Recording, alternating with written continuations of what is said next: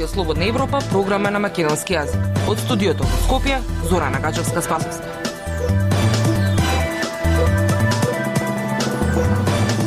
Почитувани, гостин во неделното интервју на Радио Слободна Европа е министерот за здравство Беким Сали. Со него разговаравме за хроничните болести во македонскиот здравствен систем кои со децении никако да се излечат. Околу 60% од пациентите здравствените услуги ги добиваат во Скопскиот клинички центар Мајка Тереза, додека за споредба во Словенија околу 20% од пациентите својот лек го бараат во клиничките центри. Според податоците од мој термин, општите болници и клиниките во внатрешноста функционираат како амбуланти, додека специјалистичките прегледи се прават во главниот град, со што пациентите од матрешноста поминуваат стотици километри. Недостатокот на пари, кадар и опрема се клучните проблеми во македонскиот здравствен систем. Слушајте не.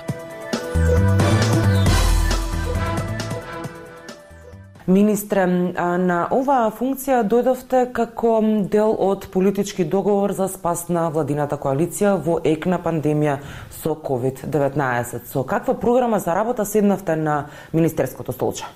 Една од причините која што за која што ја прифатив оваа функција е сите тие недостатоци кои што беа во текот на работењето во Министерството во, во изминатите 20 на години. Сметам дека имам капацитет да ги систематски решавам, затоа што пристапот во здравствените проблеми не е субјективен, туку треба, би требало да биде и ќе биде секојаш објективен со е, е, паралелна распределба на давање на услуги, на патоказ на движење на пациенти, решавање на ингеренции на нивоа од примарна, секундарна и терцијарна здравствена заштита. И тоа што го забележуваме во изминатиот период е дека пациенти многу лесно пристига до терцијарното ниво, што за никој здравствен систем не е тоа здраво ни, нити за пациенти, нити за а, министерствата. И еден од примарните цели е пациент да се обрати, да ја добие квалитетната, соодветната здравствена услуга на нивото кое што треба да го добие. Зошто 60% од здравствените услуги македонските пациенти ги добиваат во Скопскиот клинички центар, наместо во болниците во внатрешноста за споредба во Словенија, на пример, само 20% од пациентите завршуваат во клиничките центри. Со тек на време ние забележуваме дека клинички центар во Скопје се повеќе се полни со пациенти. Исполнетоста на кревети во клинички центар достигнува и над 85%, 90%, А во внатрешноста во општите болници кои што се од секундарно ниво или па клиничките центри како Тетова, Штип и Битола, исполнителство е околу 40-50%. Сметам дека и примарните здравствени услуги треба да се даваат навремено и пациенти треба да се обраќаат кај примарното ниво за да ги си ги добијат здравствените услуги во примарно ниво Тоа со тек на време, знаете како, имаме многу болници од внатрешноста кои што не извршуваат некои услуги, поради тоа што поради заминување на делот кадар, нели, секоја здравствена услуга во секундарно ниво е тимска работа. Еден вработен кој што си заминува од земјата за жал или па се пензионира, таа услуга веќе не се извршува во таа во одредена болница има голем недостиг на кадар во внатрешноста и затоа пациенти се препраќаат во Скопје, односно клинички центар Мајка Тереза. Тоа е еден, еден голем предизвик за мене и за Министерството да го решиме, да, да ги вратиме повторно пациентите да добијат здравствена услуга во местата каде што живеат. Како планирате да ги вратите пациентите да добијат здравствена услуга во близина на местото на живење, ако знаме дека во клиничките центри во Битола, Штип и Тетово работат како амбуланти?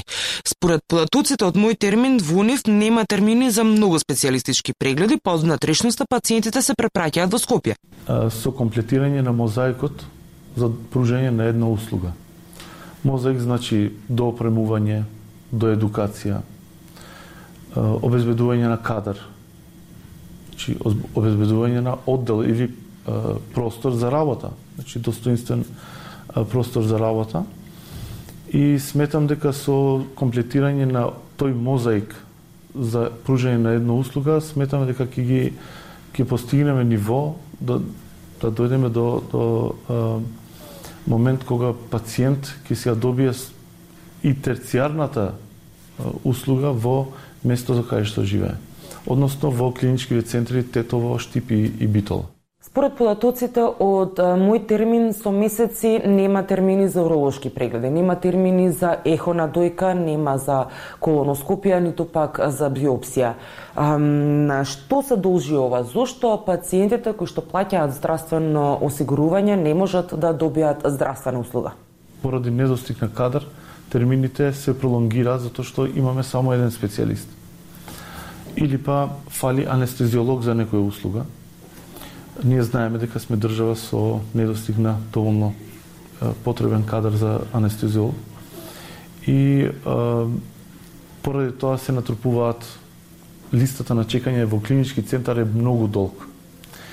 И повторно во склоп на сето тоа што го збориме за сега, предизвик е за нас. Во нашиот план се и 8 регионални болници, кои што ќе бидат опремени, меѓутоа со одредени здравствени услуги, затоа што не можеме да ги комплетираме сите услуги во една во, се, во секоја болница.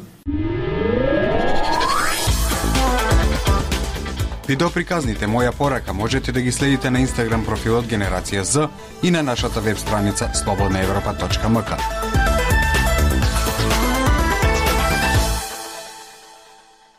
Матичните лекари бараа бодот од 63 денари по пациент да достигна цена од 90 како што им било ветено на предходните избори. А, дали ќе го исполните ова барање? Би сакал да напоменам дека кризата е импликација на сеопфатната економска криза кај нас, енергетската криза која што се случува веќе втор месец.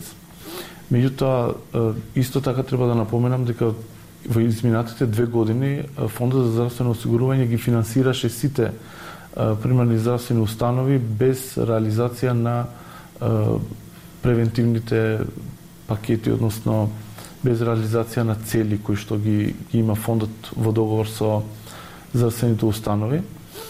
И е, сметам дека доколку фондот и министерството имале разбирање за сеопфатната работа која во период на пандемија, мислам дека и здравствените установи и лекарите треба да имаат трпение се додека да се најде најдобриот функционален модел кој што е во интерес на граѓаните, секако крајно, а и на установите како даватели на, на здравствена услуга.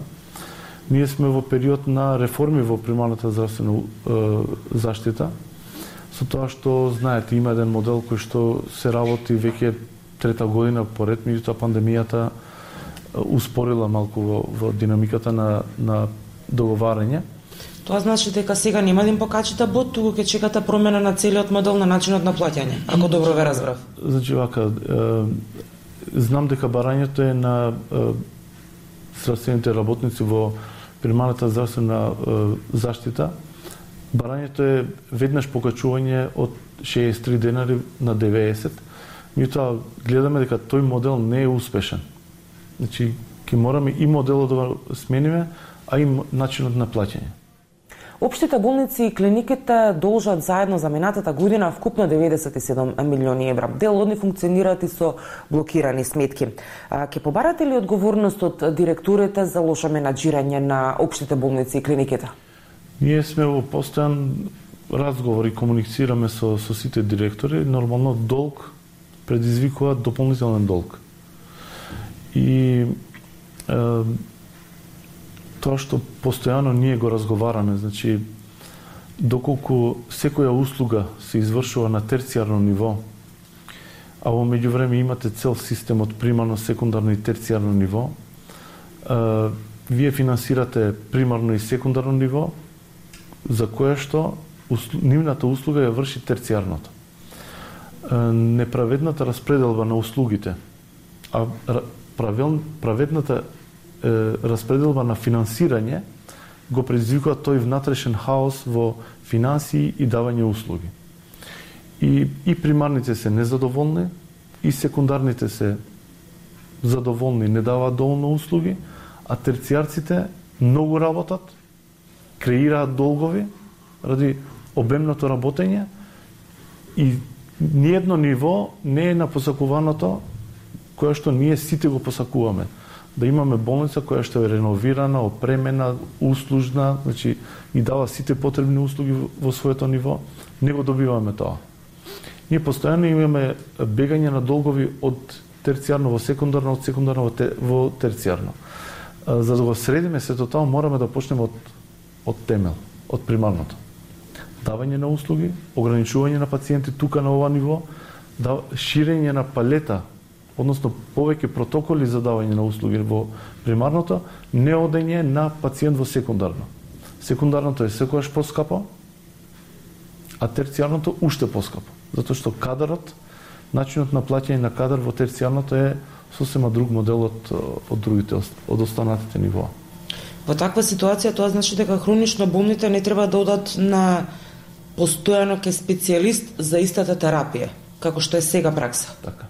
Една од една од начините како да се заштеди а што не е на сметка на здравје на на пациенти е хроничен болен кој што не се очекува да да заздрави, значи постојано да се ја земе услугата во а, примарното ниво.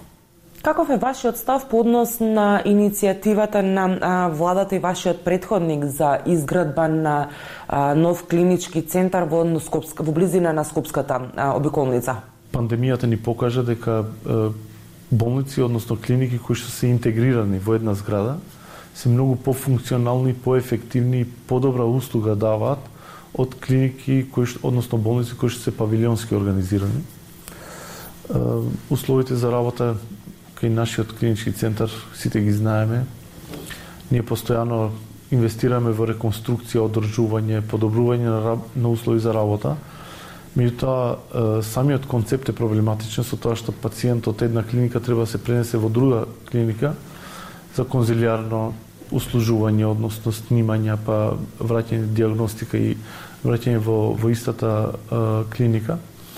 И сметам дека тоа е ургентен, итен проект кој што мораме ние како политика, како политички лидершип да, да седнеме, да разговараме, да договориме и место, и начин на финансирање и состав на клинички центар.